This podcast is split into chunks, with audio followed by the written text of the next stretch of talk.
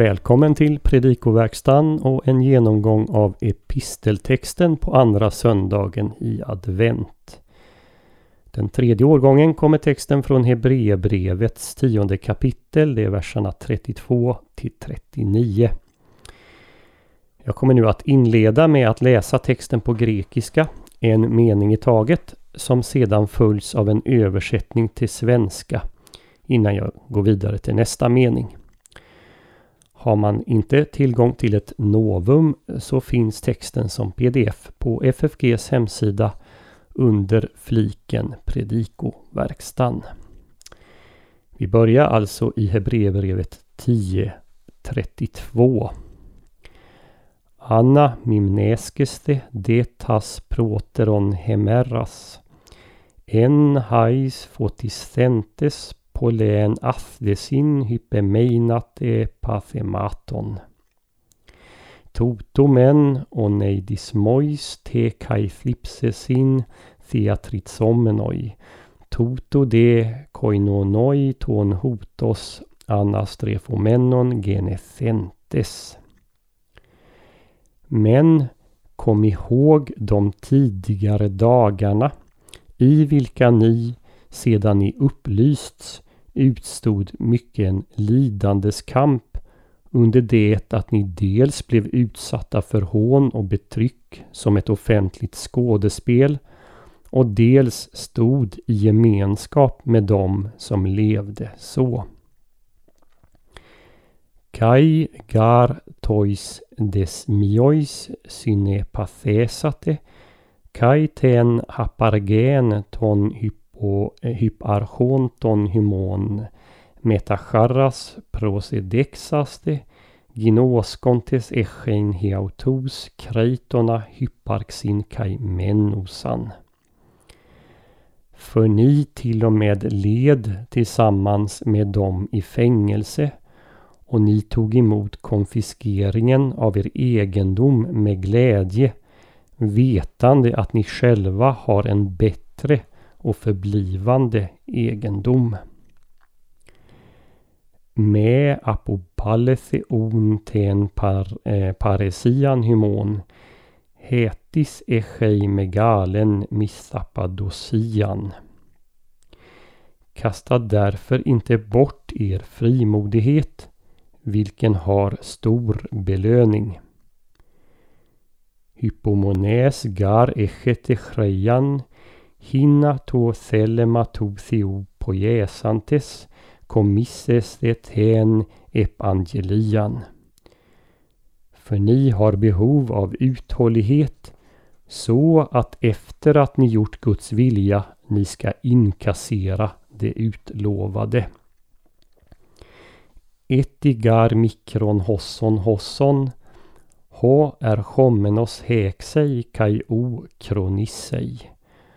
Hode dikaios mo ekpistios thesetai kai i e an hyposteiletai ok evdokei he psyche mo en auto. För ännu en liten, liten tid. Den som kommer skall komma och han ska inte dröja. Och min rättfärdige skall leva av tro och om han drar sig undan har inte min själ behag till honom. Hemeis de ok esmen hypostoles eis apoleien alapistios eis peri, eh, peripoies in psyches. Men vi hör inte till dem som drar sig undan till fördärv, men till trons folk, till själens bevarande. Avsnittet är hämtat från slutet av Hebreerbrevets tionde kapitel. Det är fortsättningen på den sista stora varningen för avfall i de föregående verserna. Och det är samtidigt inledningen till kapitel 11 om trons hjältar. Man skulle kunna sätta rubriken för avsnittet Att minnas det förgångna som uppmuntran för framtiden. Författaren påminner om hur församlingens medlemmar tidigare råkat ut för motstånd och svårigheter på grund av sin tro på Jesus. utan att då ge upp. De har blivit utsatta för offentligt hån. Några har kastats i fängelse och egendom har blivit stulen eller konfiskerad. Mot den bakgrunden uppmuntras församlingens medlemmar att inte ge upp sin frimodighet. Författaren citerar därefter från Habakuk kapitel 2, verserna 3-4. Ett ställe som Paulus citerar i både Romarbrevet 1.17 och Galaterbrevet 3.11. Här ska vi lägga märke till att författaren sin vana trogen citerar från sammanhanget runt det ställe som citeras på andra ställen i Nya Testamentet. Psaltaren 101, eh, förlåt, Psaltaren 110, vers 1 citeras ju på många ställen i stora delar av Nya Testamentet. Men det är bara Hebreerbrevets författare som citerar Psaltaren 110, vers 4.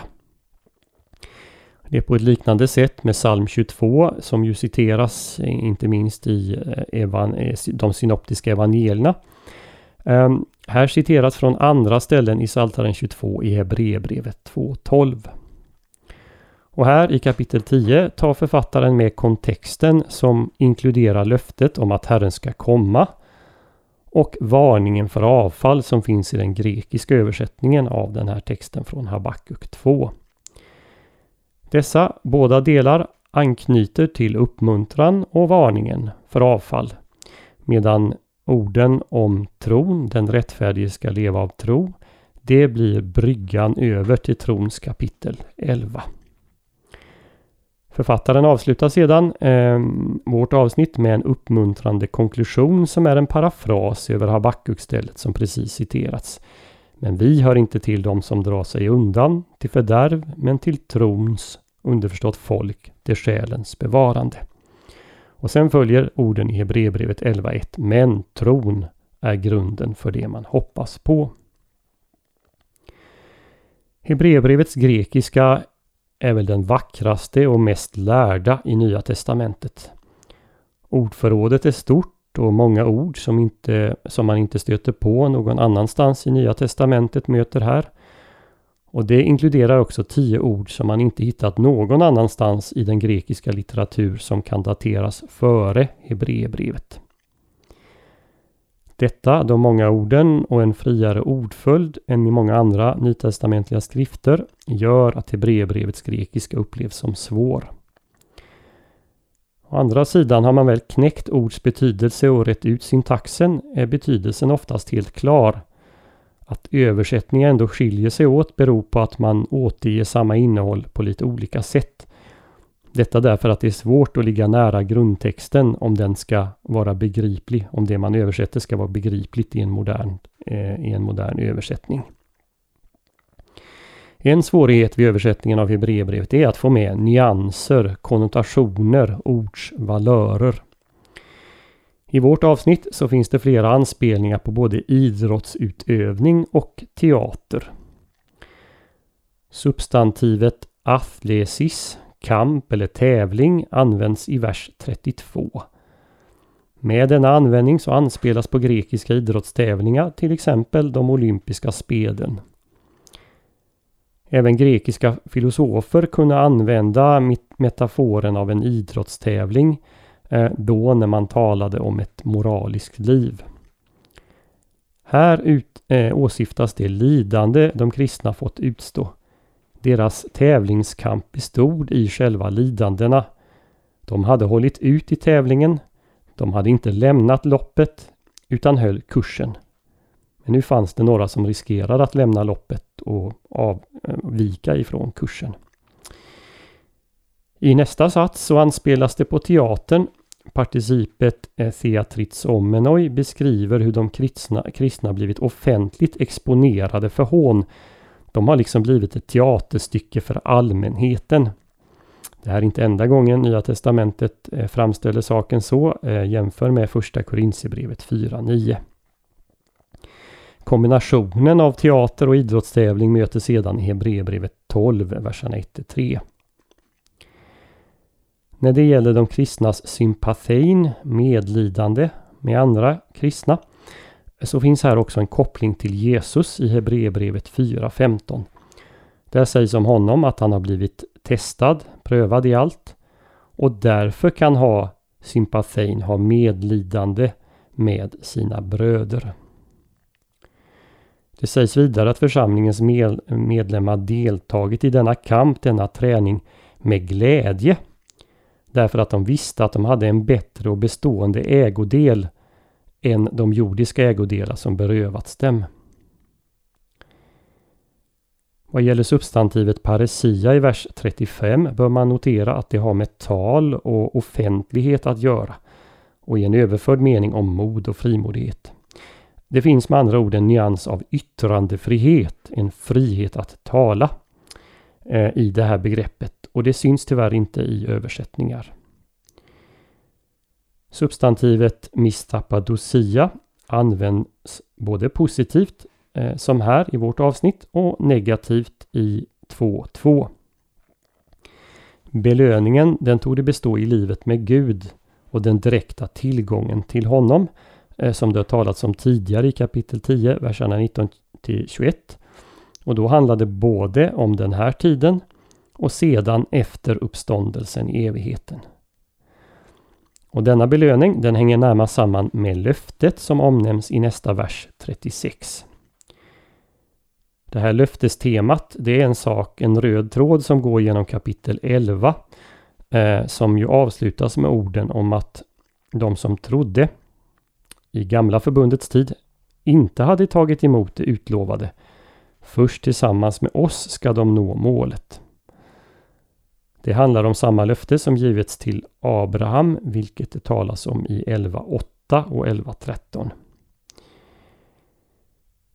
Här, när det talas om lön och om en stor lön, så anspelas med stor sannolikhet på löftet till Abraham i Första Mosebok 15.1, nämligen att hans lön skulle bli stor. Senare i Hebreerbrevet 11.26 sägs om Mose att han såg på den här lönen och därför kunde förakta Egyptens skatter. Så avslutas vårt avsnitt med ett bibelcitat. Det börjar i vers 37. Inledningen till detta bibelcitat, Etigar mikron hosson hosson, kommer faktiskt inte från Hebakuk 2 utan hämtas från Jesaja 26.20. Det dubbla hosson hosson understryker att det handlar om en mycket liten tid. En liten, liten tid. Eller den lilla, lilla tiden.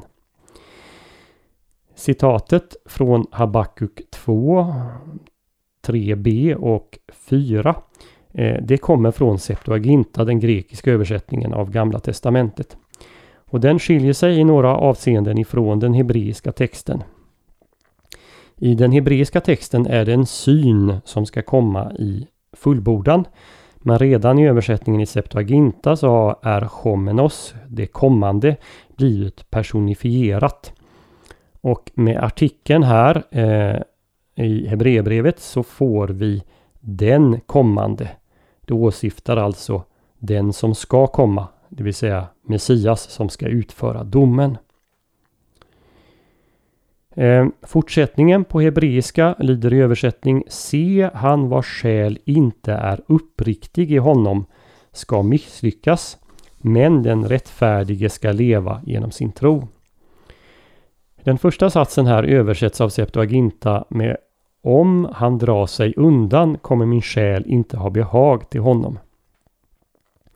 Skillnaden mellan den hebreiska texten och Septuaginta det är att den hebreiska talar om två slags personer.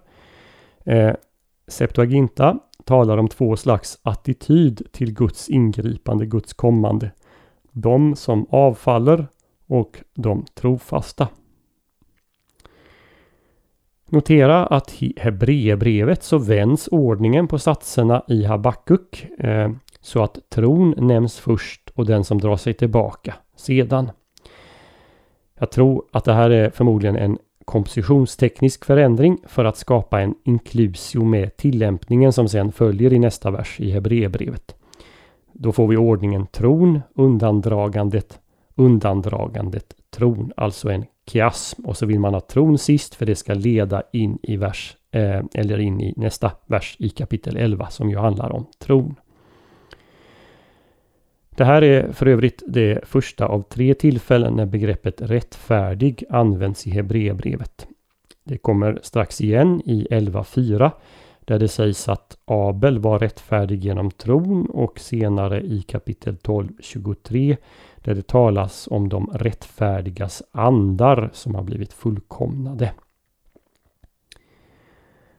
De allra flesta utläggare menar att bakgrunden till Hebreerbrevet, som ursprungligen ju är en predikan, är att Jesus troende judar inför hotet av en omfattande förföljelse skulle ge upp sin tro på Jesus och återgå till en judisk gudstro utan honom. Judarna åtnjöt nämligen i kraft av sin religions ålder religionsfrihet i det romerska imperiet. Och så länge myndigheterna inte noterade någon skillnad på de judar som inte trodde på Jesus respektive de som trodde på Jesus åtnjöt också Eh, i alla fall judiska kristna en generell religionsfrihet. Eh, och det här kan man notera även i apostlagärningarna när man tittar på hur de romerska myndigheterna hanterar olika rättsärenden. Men romarna kom snart eh, att se de kristna som en ny religion och då var det slut med toleransen. Det gällde för övrigt övriga andra nya religioner också. Det är alltså mot den här bakgrunden förståeligt om Jesus troende judar inför en omfattande förföljelse började tveka och frestades att återvända till en tro utan Jesus. Och i Hebreerbrevet så visades författare på allt möjligt sätt hur Jesus är uppfyllelsen av löftena, hur han är högre än änglar och Moses och gammaltestamentlig gudstjänst, ja att ett nytt förbund har kommit. Och den här undervisningen den blandas sen med varningar och förmaningar som stoppas in mellan eh, den här löpande undervisningen. Och de här varningarna och förmaningarna de blandar imperativ i andra person pluralis med hortativa uppmaningar, alltså uppmaning i första person som då inkluderar författaren Låt oss. I vårt avsnitt så har vi nått klimax av dessa varningar och maningar som sen i kapitel 11 utmynnar i att eh, man ska ta de gammaltestamentliga troshjältarna till förebild. För de hade det likadant som ni har det. Ja, ni har det till och med bättre vill författaren säga för ni lever i löftenas fullbordan. De väntade fortfarande på att de skulle fullbordas. Samtidigt ger vårt avsnitt också viktiga ledtrådar till situationen i församlingen i övrigt. Man hade redan varit utsatt för förföljelse. Troligen hade ännu ingen blivit martyr, eh, för jämför med det som står i 12.4. Men några hade hamnat i fängelse, egendom hade konfiskerats och man hade blivit utsatt för offentligt förlöjligande. Till sist, vi sammanfattar de viktiga temata i avsnittet. Eh, ett första sådant är minnet av tidigare segrar i troskampen. Eh, det andra temat är den frimodiga yttrandefriheten som man inte ska kasta bort. Det tredje är den allmänna uppmuntran till tro och trofasthet och det fjärde är att löftet om att Kristus ska komma tillbaka kommer att infrias. Vi hoppas att denna genomgång får bli till hjälp och välsignelse för dig som har lyssnat. På vår hemsida www.ffg.se kan du hitta information om hur du kan stödja fakultetens arbete, som till exempel den här podcasten. Ett sätt att stödja är att skänka en gåva genom Swish. Församlingsfakultetens Swish-nummer är 123 100 84 57. Alltså 123 100 84 57. Mottagaren som anges är Peter Isak Bens utbildningsstiftelse. Märk gärna gåvan FFG Podcast om du vill stötta just denna podden. Så önskar vi allt gott och Guds välsignelse.